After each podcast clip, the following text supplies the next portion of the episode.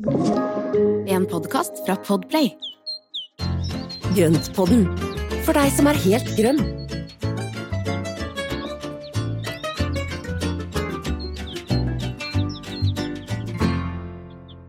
Hallo og velkommen til Grøntpodden. Skal du si noe, Espen? Hei, Marianne! Hei, der kom den, vet du. Litt sånn beskjed etter ferien. Ja, ikke sant? Og velkommen. Nå er vi tilbake igjen. Det Ja, er ja, kjempedeilig. Veldig, veldig gøy. Ja. Vi har jo vært litt i gang hele tiden, men vi har jo liksom Jeg vet ikke. Det har vært litt sånn feriemodus på oss sånn uh, rundt omkring. Det kan du trygt si, altså. Eh, Hodet har vært litt ute. Men Mm. uh, det er jo litt av moroa med ferie og med sommer. Mm. Du har jo vært til seters, du. Ja, jeg har vært på fjellet. Har du gjort deg fet, eller? Ja, det også. Så god og rund nå før, før høsten og vinteren kommer, så det er veldig bra. Trenger litt ekstra.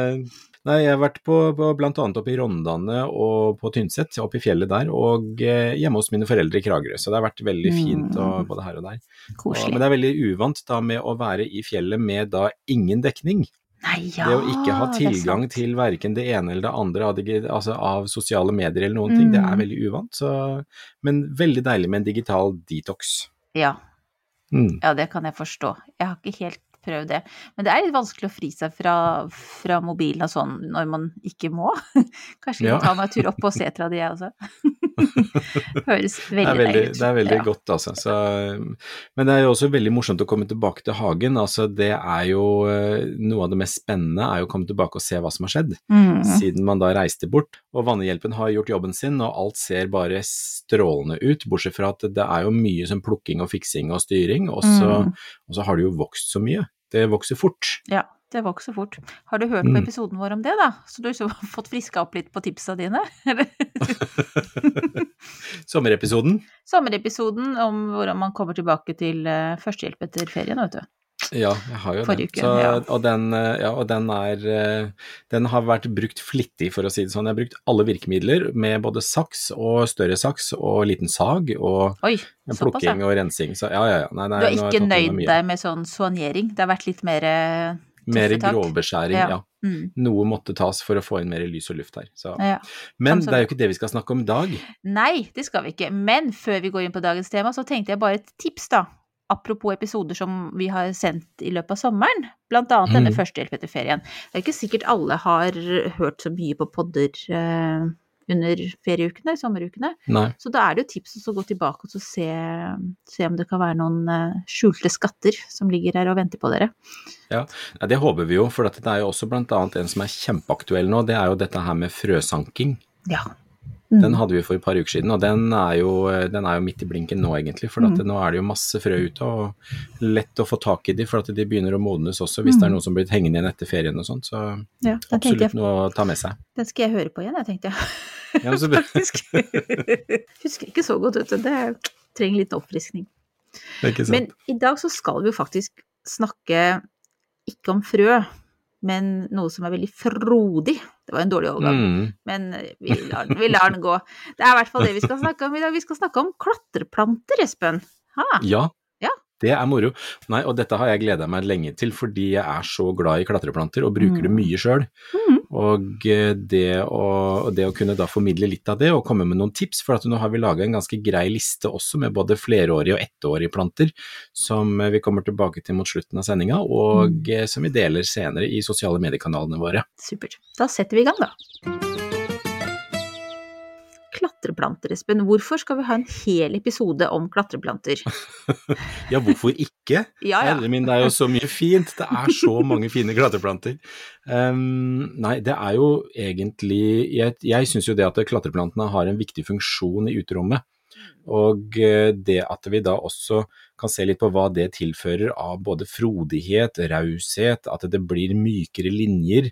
Eh, og det er jo det er jo noe med at vi kan da maskere stygge partier. Hvis det er partier som vi ikke har lyst til å ha så synlig, så kan vi dekke det til med, med klatreplanter. Mm. Eh, Men vi kan også få det der rause, frodige uttrykket som jeg er spesielt glad i. Ja, så kan vi også bruke disse klatreplantene til solskjerming, og det er jo også litt godt å kravle seg inn i skyggen hvis eh, sola Mm. steiker altfor mye. Nå er det ikke noe fare for det utover nå, da, men, eh, Neste har år. vært litt i sommer. Og neste år, ja. Dette er nå planlegger vi for flere år fram Ja i da, tid. nå skal det jo bli varmere og varmere, så vi får jo bare beplante etter beste Mm. evne. Mm. Så Ja. tenkte jeg også på det at det som er så fint med klatreplanter, er jo det at eh, som du sier, at det, det kan jo liksom maskere stygge partier og alt det der, men også det at hvis du har et nytt hus, eller et, altså et nybygg, så er det så fint Mm. for oss å skape den der følelsen at det har vært der litt lengre.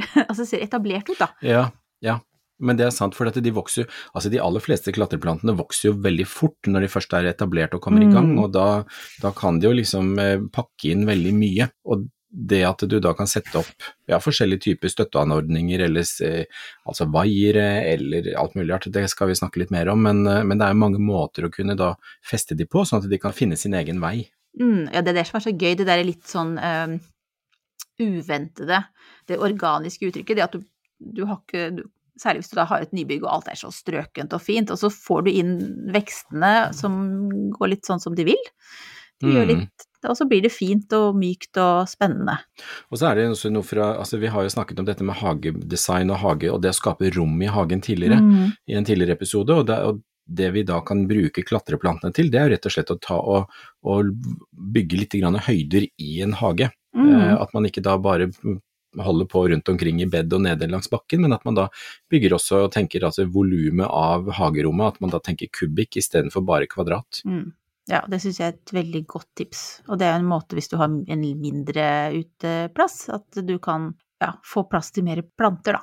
Enn hvis du bare skal holde på balkonger. Ja, på balkonger, ikke sant. At du, Ja. liksom, du får mer mm, rom. Ja, Mm. Og, og det er jo veldig mange altså I tillegg til at det skjermer og gir mye ly og le for, for oss som skal bruke hagen, så er det også veldig bra for insektene. For at det er masse gjemmesteder opp igjennom, og det er fugler som bor innimellom klatreplanter. og Mm.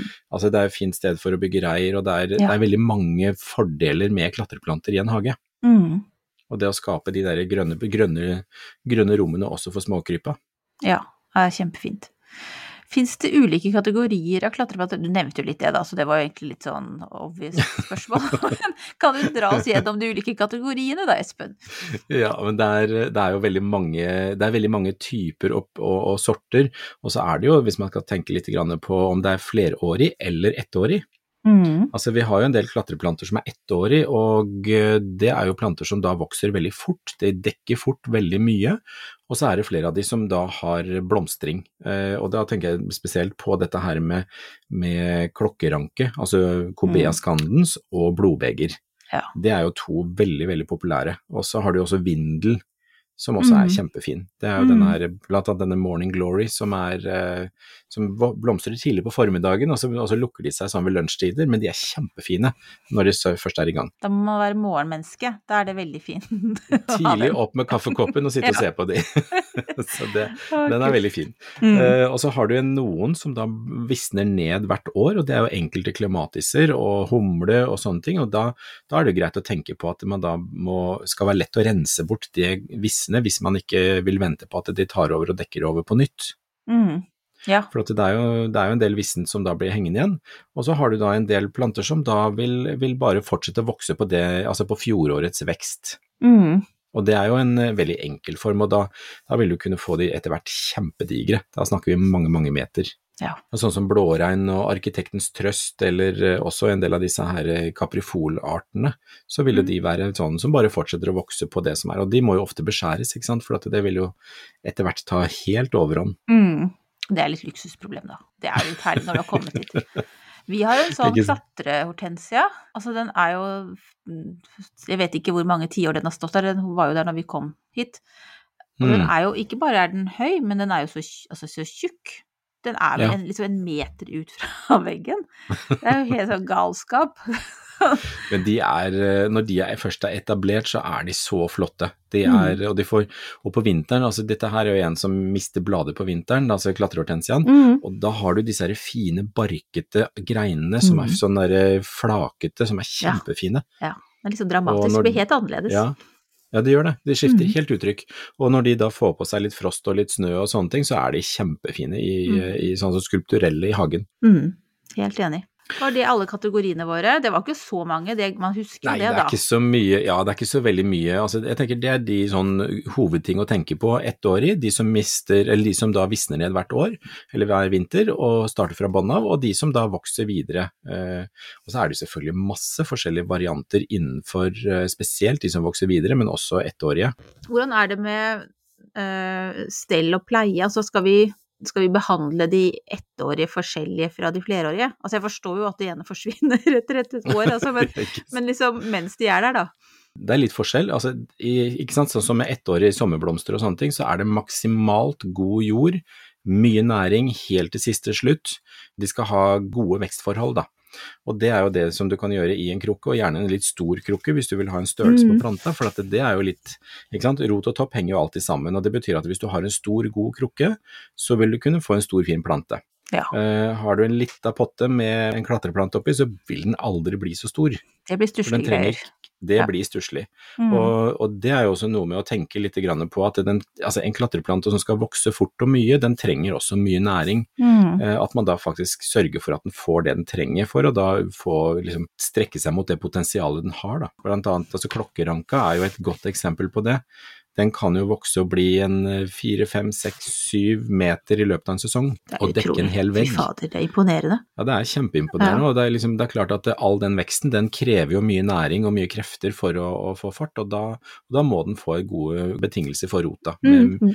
Godt med næring, mye sånn der god, veldrenert jord. Ja. Men hvor mye vil du si at hva er mye næring? Er det én gang i uka, eller hva er det liksom Jeg har nå på mine, altså jeg har en kobea som nå dekker eh, hele, altså kaktus, over kaktusbordet mitt. Den Ja. strekker seg opp langs med veggen og opp bortetter hele veien.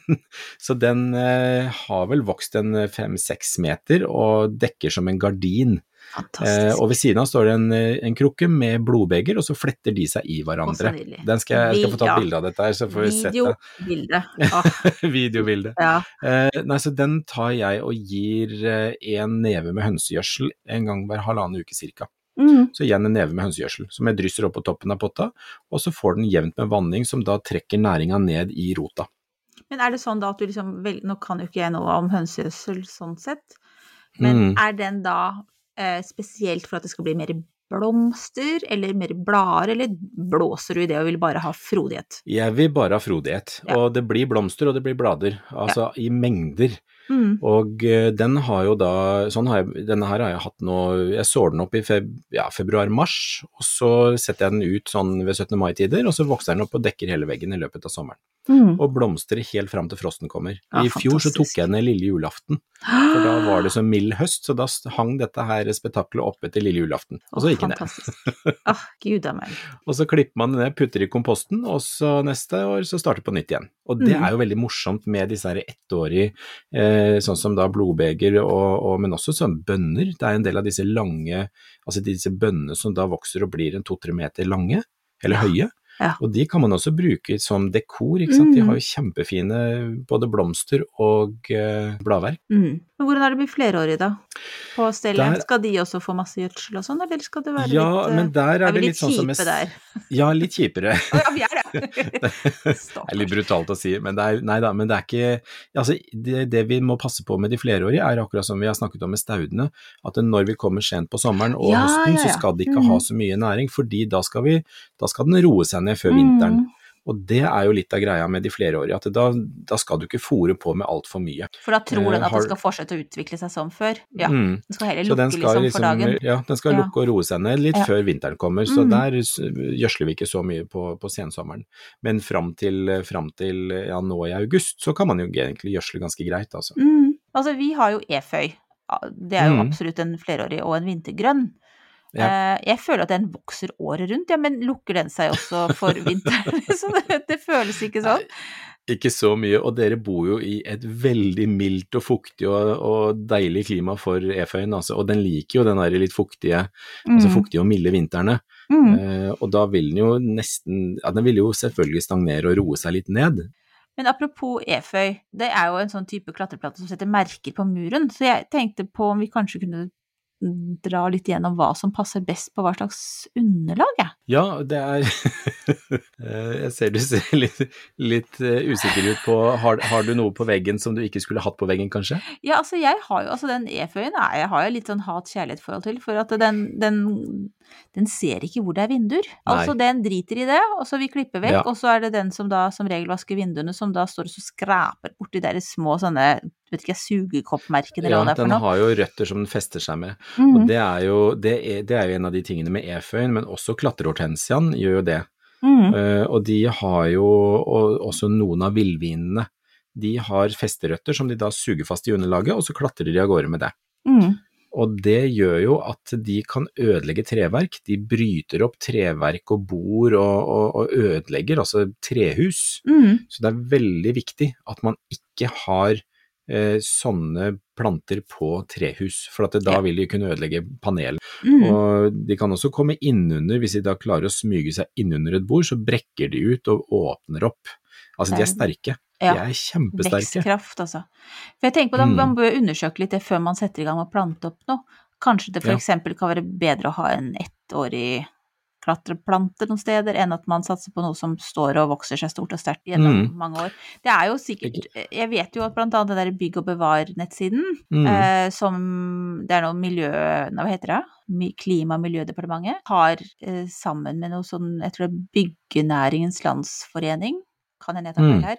Men det er en sånn side, de vet jeg har litt info om det, så det går an å søke opp på det også for å lese litt mer opp på det. Men det er i hvert fall et viktig poeng at Mm. uh, du må tenke plante opp mot uh, underlaget, da, eller bakgrunnen. Mm. Så det, og det er jo også det med å, fuktighet og altså at det blir stående der, at det, kanskje man ikke skal plante det så nære. Du er jo glad i espalier, det er vel kanskje også en praktisk grunn til det? Det er det, og hvis du da har planter som du da ikke vil ha tett inn på veggen, så kan du bare feste espalieren da, kanskje si at du bruker eh, en fem centimeters eh, avstand til treverk, eller til huset, husveggen din, så vil du kunne ha både luft på innsiden og utsiden, og så kan du ha litt kontroll på at ikke ting smyger seg innunder. Og, og det er jo en av de tingene, altså holde det litt utenfor. Men det er jo også det, vi sjekka jo litt på dette her, og det er jo også noe isolasjonseffekt ved at man da holder lufta litt altså på utsiden av huset litt mer i ro, så vil det jo kunne også isolere både mot eh, kulde og varme. Mm. Ja, det syns jeg er veldig morsom idé. Det har jeg aldri tenkt på. Mm. Men det er jo, Nei. når man hører det, så er det ganske selvsagt. Det, mm. At de også, de, så gøy at de forsker på det. Ja, det er det. Mm. Men også har man steinhus, så er det jo en helt annen sak, for at da vil jo ting kunne feste seg altså på murstein og sånne ting som ikke går i stykker. Mm. Så kan man jo godt ha eføy eller villvin på det, det uten at Mm. det skaper noen store problemer. Det vil jo bli stygge merker, men det er jo ting som man kan pusse over eller male over senere. Ja.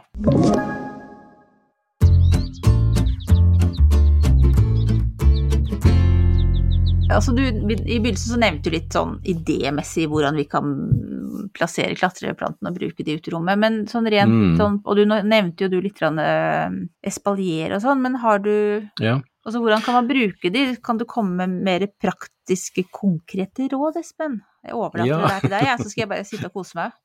Ja, ikke sant? Nei, men det, det er faktisk en del, en del muligheter. Og altså, har du en, f.eks. for eksempel lyst på å ha en levegg, eller har du lyst på å ha en, en avskjerming mot naboen, eller hvis du har lyst på en krok og skape et rom, eller sånne ting, Mm. så kan du rett og slett bare banke ned et par armeringsjern i bakken, og så sette, altså stripse på et armeringsnett på den, og så kan du Mm. sette ned et par klatreplanter, og vips, så har du en vegg. Ja. Og det er jo en måte å gjøre det på som går veldig, veldig fort. Litt avhengig av hva du planter der, men eh, da vil du kunne ha planter som dekker den i løpet av en, et par sesonger. Mm. Og så kan du da bare holde den i den størrelsen du ønsker, og klippe tilbake hvert år senere. Mm. Er armeringsjern er det å foretrekke fremfor treverk, eksempel? Ja, Jeg tenker på at det blir jo høyeste ikke ødelagt.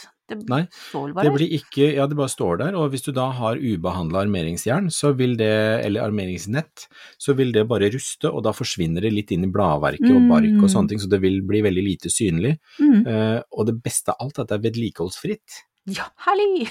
Det liker vi. Det liker vi. Mm. og så er det ganske rimelig, for at det er jo rimelig å kjøpe Hvis du får kjøpt et flak, så kan du bare klippe det opp i de, de størrelsene som du har lyst på. Mm.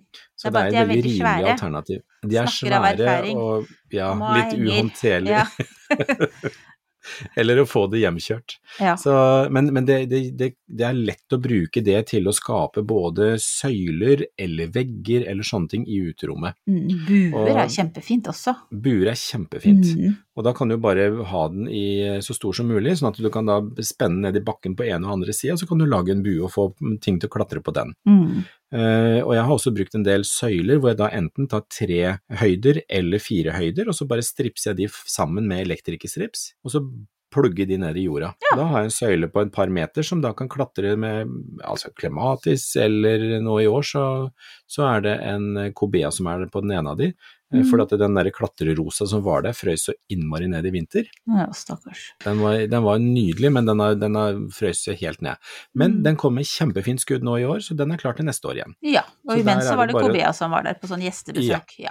Gjestebesøk, så, den, eh, så neste år så stropper jeg opp den der fine skuddet fra rosa, og så kommer den opp istedenfor. Mm. Så det er liksom, man finner bare løsninger underveis, og tar det Mm. litt på sparket. Så armeringsjern, vedlikeholdsfritt, billig, og så har man jo da masse spaljer i plastikk og sånne ting, som også vil kunne fungere, men jeg tenker at det, det er lov å prøve å unngå plasten, og, Ja. og bruke mindre treverk som må vedlikeholdes, Mm. og spare seg sjøl for masse jobb. ja, helt enig. Man kan alternativt også gjenbruke noen av grenene man klipper når man har en Ja. jazzmonterunde. Så Ja. kanskje spare dem til neste år og lage noe tipier eller noe sånt. Det er jo Ja. også ganske fint. Veldig fint. og Sånn som jeg har en, en stor kornellgren fra beskjæringa i våres, som jeg har Mm. satt opp som støtte for en tomatplante, så den funker veldig bra. Og så blir det veldig sånn fin organisk form, Mm. som gjør at det Ja, tenk blir det noe ekstra ut av det. Ja. Ja, tenk kreativt og bruk det du har i hagen. Mm. Jeg tenkte på, jeg syns jo, jeg vet ikke om det her er en, en riktig observasjon, men jeg syns veldig mange har pergola nå i forhold til før. Altså for i hvert fall ti år siden så visste vi vel nesten ikke hvordan vi skulle si ordet pergola, eller hva det var. Men-? Det vet vi jo nå, særlig det er jo mange som har Jeg tenker på igjen da disse nydbyggene. Så syns jeg det er Mm. mange av de som har en, en pergola. Og det Ja. er jo egentlig veldig takknemlig ting å få ting Altså å få noe å klatre på. Da blir det jo plutselig veldig frodig. Men Mm. hvis du bare Det hadde vært gøy å høre noen sånn tips om hvordan man kan på en måte For det er jo litt synd når sommeren er over, og så forsvinner disse ettårige eh, klatreplantene, og så ser de like nakent og bart ut som de gjorde før de begynte å Ja. Kan, du, er det liksom, kan du komme med noen sånn, sånn helårs eh, til de med pergola? Ja, og, og det er jo, altså det, du har helt rett, pergolaene er jo kommet i, i større og større grad. Og det som er morsomt er at man kan jo lage det både i form av treverk, men du kan også ha det som vaiere, og det, altså det er mange måter å bygge en pergola på. Uh, og den gir jo fin ly og le for både sol og det ene og det andre, men, men det som kan være lurt hvis man da har en pergola, er også å ha f.eks. et lite tak under plantene eller innimellom på et eller annet vis, fordi Mm. når du sitter under en pergola med, som er liksom dekka av planter, så vil det alltid være en del bøss som detter ned. Ja, det er et veldig godt Jeg snakker av erfaring. Ja. Jeg, jeg ser det på engasjementet. Det er sånn. Så det, er, det kan være greit å ha et eller annet under som da bare fanger opp en del av det bøsset, eller bare være forberedt på at du må koste litt under. Mm. Eh, Men du har jo blant annet så har du drueranker. Ja. Drueranker er liksom en klassiker på pergola. Det finnes jo druer som funker i veldig mange områder i Norge, Ja. og som tåler ned til liksom 25 og 30 minusgrader, og da, da tenker jeg at da kan, du, da kan du virkelig ha drueranker som kan da bygge seg opp over en pergola, og så bli større og større for hvert år. Mm. Men ellers så er det jo enormt mange flotte klematiser. Eh, masse forskjellige sorter som da tåler alt fra vi, holdt å si fjellklima og helt ned til, til, eh, til kystklima. Og eh, der er jo en av mine favoritter er jo denne som heter Summersnow. Ja, Den, den er fin, eh, den er altså så fin. Jeg har hatt den i mange år, og den dekker og den blomstrer kjempefint for insektene, og blomstrer lenge. Mm.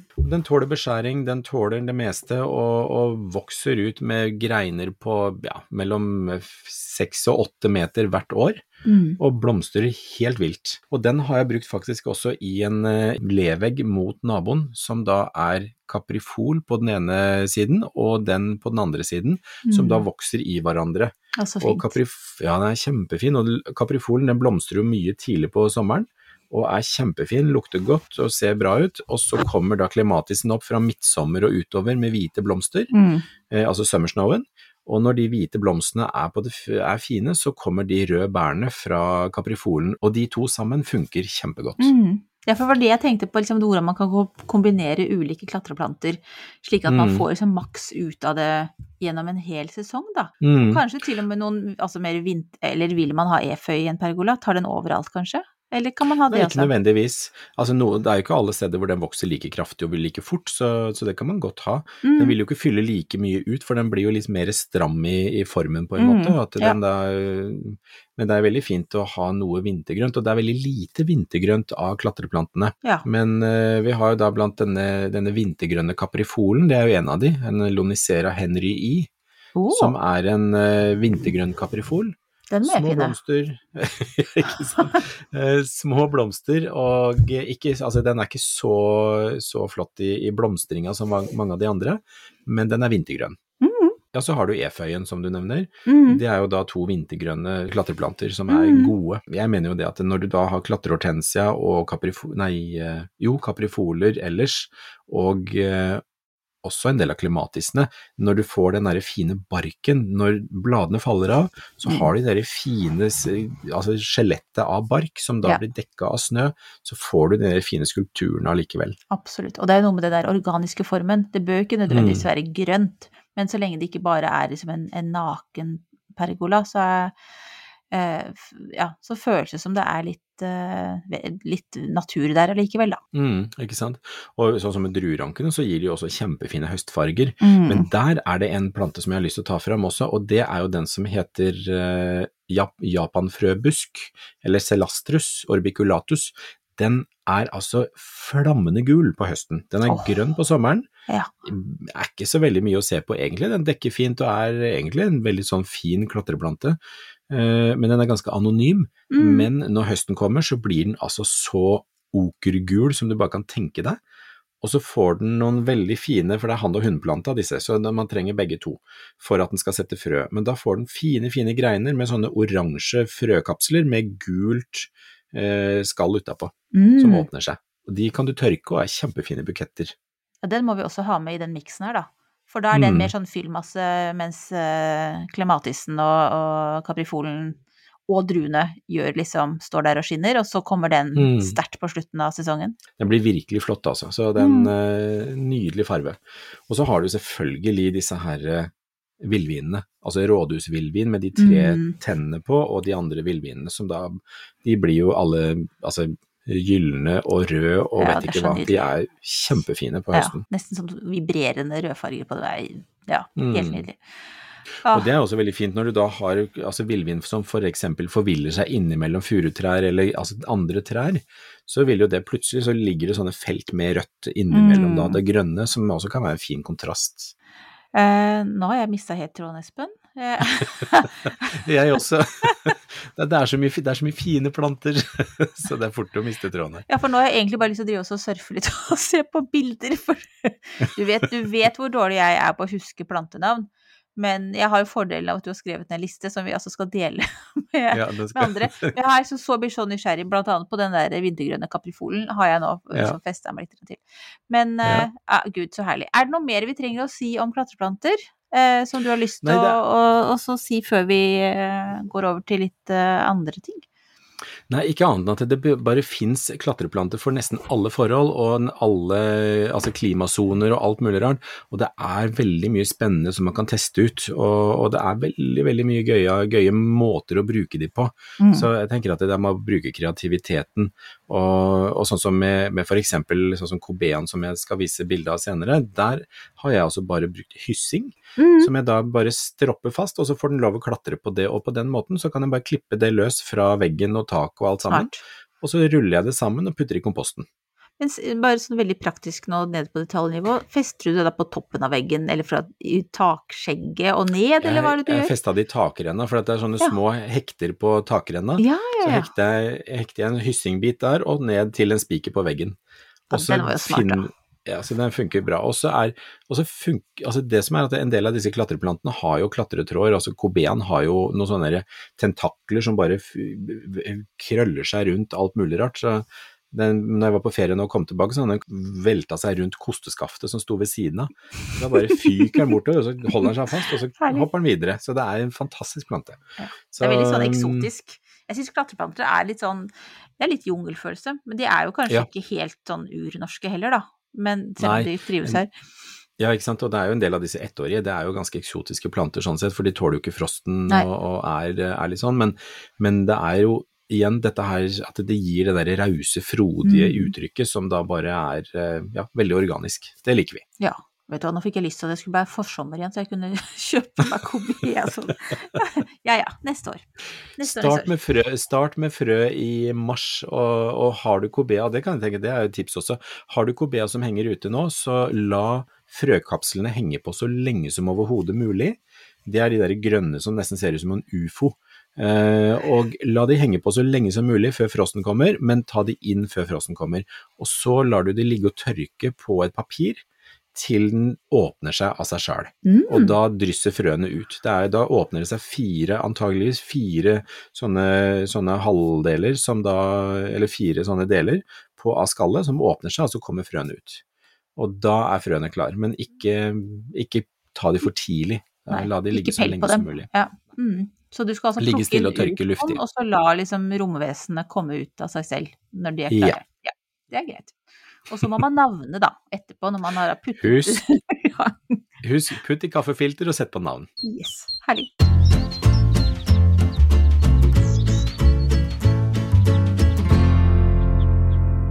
Yes, Espen. Altså, det her ble vel nok en litt springende episode, da.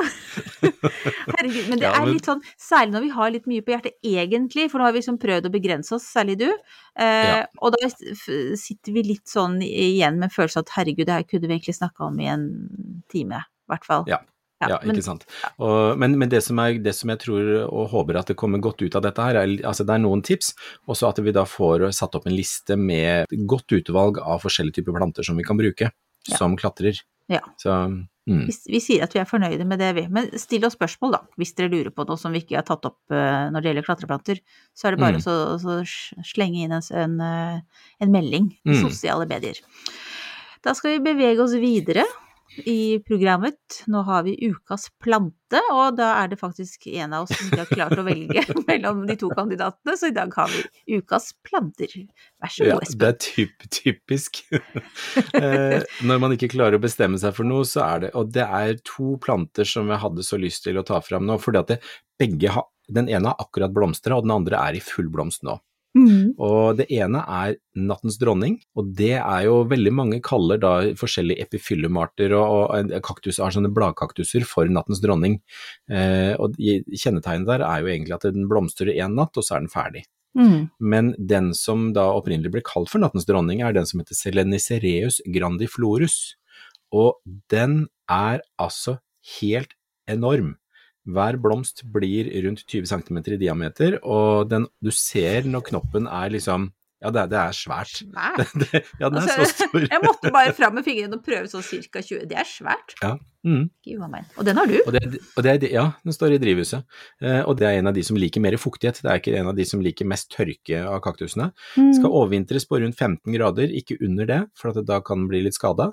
Eh, og så gjerne varmt og jevnt med fuktighet, og så klatrer denne rundt som en sånn firkanta stengel som fyker rundt i eh, drivhuset, som man da kan kveile opp på en liten espalier. Ja. Og den mener jeg i naturen så kan denne her bli opptil ni meter lang, så den klatrer jo opp etter trestammer og hit og dit, så den, Ja. den, er, eh, den, er, den blir stor. Er det da med Eh, blom- én blomst på tuppen, liksom? Nei, nei, det kommer blomster ut på stilken, Overalt, altså det kan ja. komme flere på Mm. samme stilk. Så, men da, igjen så trenger den også vinterdvalen med da Mm. mindre fuktighet og en kjøligere periode for å kunne etablere blomsteranlegg. Og de Mm. kommer jo fram da på våren eller på sommeren når da, når da veksten er i gang igjen. Herlig. Og den andre planta som jeg hadde lyst til å ta fram, det er pelargoniumen som heter Lara Viking. Og det er Altså, det er vel et av de mest fantastiske navnkombinasjonene som jeg har hørt. Lara Det er- Viking. Ja. Ja. Og dette her er jo en primærhybrid som ble krysset fram i 1983 av en Cliff Blackman fra Australia. ja. Hva er en da- primærhybrid? Det må du bare ta Ja. før du Ja, snakker mer om Lara. Ja, og det tenkte jeg egentlig var litt av poenget med å ta denne her også, at det, altså pelargoniumene er jo da, har en del villarter som da jeg er veldig glad i, og det er sånne sukkulente rariteter og kr kronglete vekst og alt mulig rart, kjempegøye planter, men Når du tar to forskjellige foreldre og krysser de sammen, så får du en primærhybrid. Og da når de og foreldrene er originale, altså villarter. Så Ah, det betyr at den har to forskjellige foreldre, og dette her er en som er krysset fram av eh, Pelargonium gibossum og Pelargonium eh, echinatum. jeg tror på deg. Mm. Det er foreldrene. Og så, så er dette da en primærhybrid. Så det er primær. Første hybrid er en, en blanding. Blandings. Altså at du Mm, klarer så- alle disse blomsternavnene er så imponerende. Selv om nå så jeg at du måtte liksom tenke, du måtte liksom rote måtte tilbake i kartoteket, og så kom det fram. Helt Ja, utrolig. det blar, bladde fort. Kanskje du så- skulle begynne å er studere latin? Har du tenkt noe på det? Du har Uff, nei, nei jeg, jeg føler at jeg kan nok av det. Jeg hadde jo ganske det var ganske stort pensum med latin da jeg gikk på skolen, husker jeg. Det, Mm. i plant, i, på, ja, nei, det var, nei, uff, nei. Det, jeg vil huske de, de tingene som, jeg, som er viktig. Ja, Dette er kjempeviktig. Det er helt greit, men det er i hvert fall veldig hyggelig at du har så mange spennende planter å fortelle om. Ja, men så bra. Ja. Men det er jo også, men det med latin, det er jo liksom, noen syns jo det kanskje er litt sånn tullete, men eh, grunnen til det er at da kan man lettere ta oss og spore inn på, se igjen kjennetegnene på mm. plantenavn, artsnavn, og man kan også lettere kommunisere med folk i utlandet. Mm. Bestiller du en plante fra utlandet, så trenger du egentlig det latinske navnet for å kunne bestille. Ja. Eh, og det, det husker jeg jo godt når jeg jobba i blomsterbutikk også, når man da skulle bestille planter, så er det jo noe med at det, for å være sikker på at du får det du skal ha, så må du nesten bruke det latinske navnet. Mm. Jeg har jo egentlig lyst til at vi nesten kunne hatt en episode om det, eller i hvert fall en avlegger. Jeg er litt Mm. på det, om det er noe vi kan lære oss, om det er noen sånne fellesbetegnelser, altså når det står grandiflorus og sånt, om det liksom er Mm. noe vi kan kjenne Stor igjen. Stor blomst. Stor blomst, ja. Ja, Grandis florus, det er jo Ja. stor blomst. Så det er jo Står det er- multiflorus på noen? Er det blomster. mange blomster? Det er det, Ja. ja, ikke sant? For Ja. eksempel. Ja. Så edulis er spiselig. Å ja, edible! Kult! Mm. Ja, Så så det er morsomt. mye kjennetegn. Og da kan du plutselig koble sammen dette her til å bli ganske sånn eh, greit, og så ha en større forståelse for blomstene som du, som du snakker om. Ah, ja, men du, så morsomt. Det, jeg tror kanskje vi tar vi, vi, vi, Jeg setter opp det på ønskelisten over temaer som vi kan ta senere. Ja, den er Ja. grei. Men du, over til ukas spørsmål. Og siden Ja. du nå da ikke klarte å bestemme deg over ukas plante, så kan jeg si at jeg kuppa ukens spørsmål igjen. Jeg vet at jeg nå har gjort det vel to ganger på rad, hvis jeg ikke husker feil. Men altså, er- jeg Jeg tror det er flere som lurer på det, så derfor så er det veldig bra. Ja, du, du godkjente jo den her, så det var jo, Ja, ja, det var ja, bra. Men du, altså jeg har jo da uh, noen gamle agapantuser som jeg arva med gården. Uh, Mm. Og de blomstrer jo litt og sånn, men uh, Og jeg var egentlig fornøyd, jeg. Med at det var to blomster på én av tre. Nei, jeg var egentlig ikke fornøyd med det, men jeg tenkte at sånn er det. Og så var jeg da borte på den lokale planteskolen, eller ha- hagesenteret, og der sto det da til spott og spe Nei, ikke det, det var sånn Altså, jeg kjente litt på misunnelsen, for jeg vet ikke Jeg gadd ikke å telle, men det var altså da 20-30 blomster på denne ege- ene agapantusen. Og da tenkte jeg at nå har du gjort noe skikkelig feil. Hva har du gjort feil? Eh, og, og da har jo vi snakket litt, vi har hatt litt terapi på forhånd. Agapantusterapi. Ja, agapantusterapi. Kan du ikke si det du sa, for det var så smart, det med Ja, gjødslingen. Ja, så bra. Agapantusen, som en del andre planter, og også en del løkplanter som vi har, så legger vi grunnlaget for neste års blomstring med årets behandling.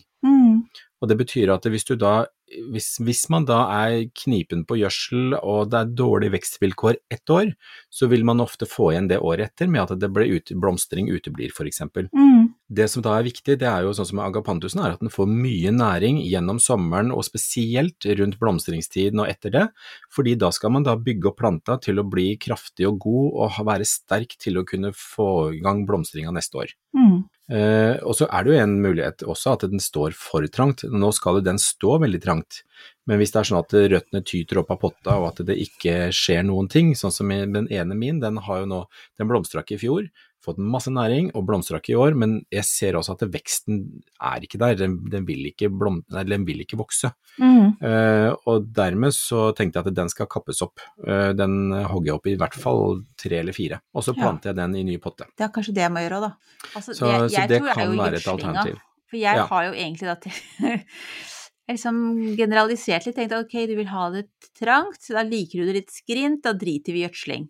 Eh, og Men det var helt feil. altså oh, Gud, Men altså, trenger- gjødslinga skal være så vanskelig, Espen. Jeg forstår ikke Ja, men vet du, det, men det er jo så gøy når du gjødsler. Altså, jeg- før jeg dro på ferie, så, så kasta jeg utover ja, bortimot ti kilo med hønsemøkk. Eh, forskjellige steder i hagen, og det lukter jo ut som et hønsehus i hele hagen her akkurat nå. Men eh, for at når jeg kommer tilbake en uke etterpå med litt regn og litt vanning og sånne ting, så eh, det er ikke, Jeg vet ikke om naboene er like glad i meg akkurat nå. Men det, går fort over, da. Så skal, neste gang så skal jeg ikke ta fullt så mye. Så Feil. gjødsling er viktig. Gjødsler og drar bort. Det er sånn, sånn herlig. ja, ikke sant. Dårlig gjort. Uff a meg. Ja, men da er det bare det. Skal men, jeg gå ut og gjødsle med en gang, jeg nå. Nå Ja. stakkars agapantuser. Men det er viktig, men ikke sant, dette gjelder også alle løkblomster og sånne ting, altså ting som man har som da skal blomstre året etter, så trenger planta å bygge opp kreftene for å gi ny blomstring. Det er, det er liksom grunnleggende. Så nå er det egentlig riktig tidspunkt å gi litt ekstra næring, før de da skal roe seg ned, som vi Mm. Ja, jo har og så skal de gå i dvale, Ja. og da er det jo da tørt og kjølig, altså helt ned mot null, altså ja, fire-fem grader er helt fint, Mm, eh, og så ikke noe særlig vann. mm. Så bra. Da vet jeg hva jeg skal gjøre etterpå, men nå lurer jeg på hva du skal gjøre etterpå. Det er jo da å klippe, fortsette å klippe. Jeg må klippe meg rundt. Det er ja. Det har jo vokst så innmari i år. Eh, Og spesielt nå etter at ting virkelig tok fart, og jeg har jo også vært veldig eh, nøye med gjødslinga i år, og det gror. Mm. Altså, jeg, det er, eh, jeg har jo vært ute med både saks og, og, og kniv, holdt jeg på å si, men det er, og sag. Men det, er, det vokser noe voldsomt. Og så skal jeg spise de første druene som er modne i drivhuset. Skal jeg kose meg med. herlig.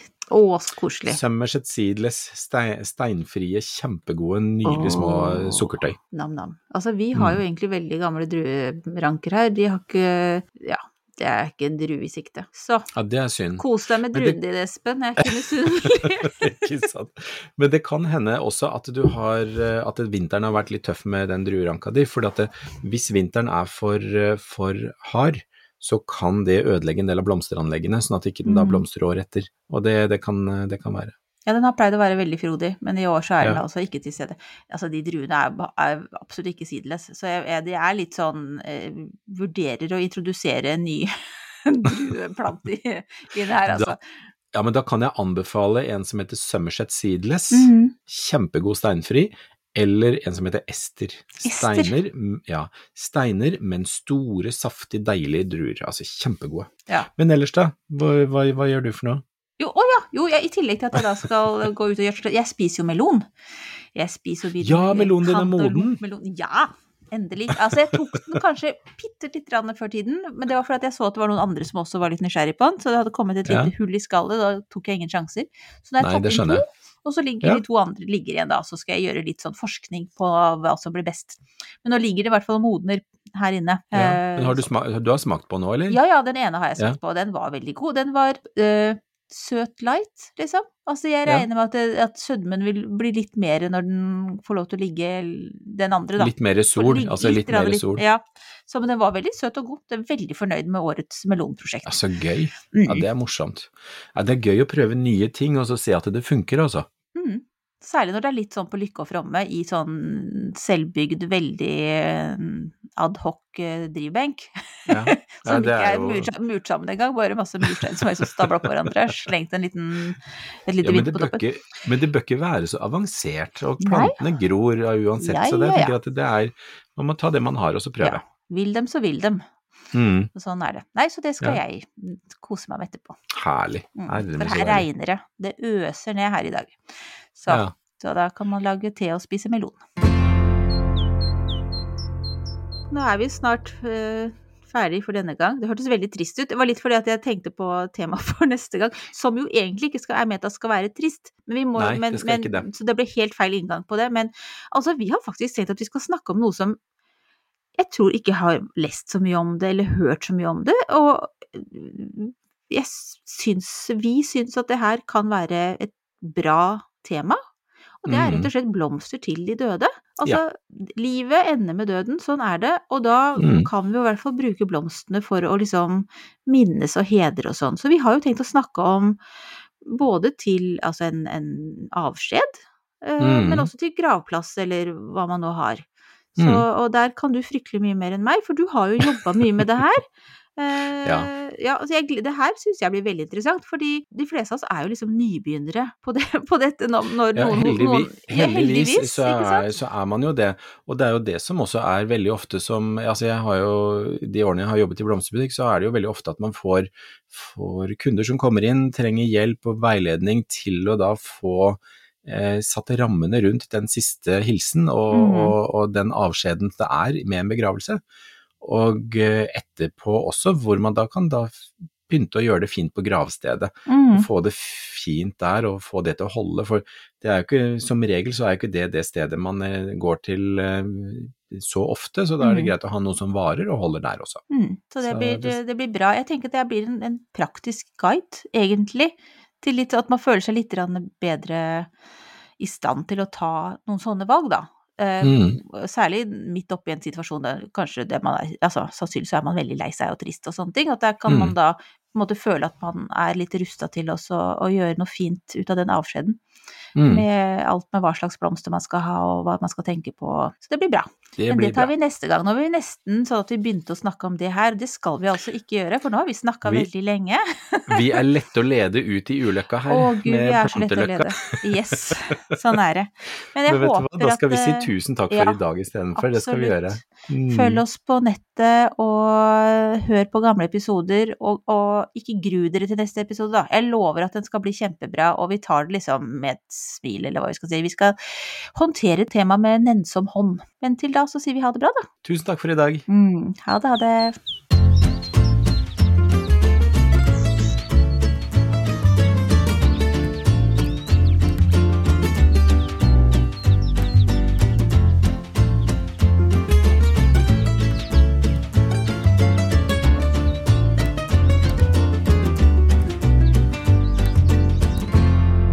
Du har hørt en podkast fra Podplay. En enklere måte å høre podkast på. Last ned appen Podplay, eller se podplay.no.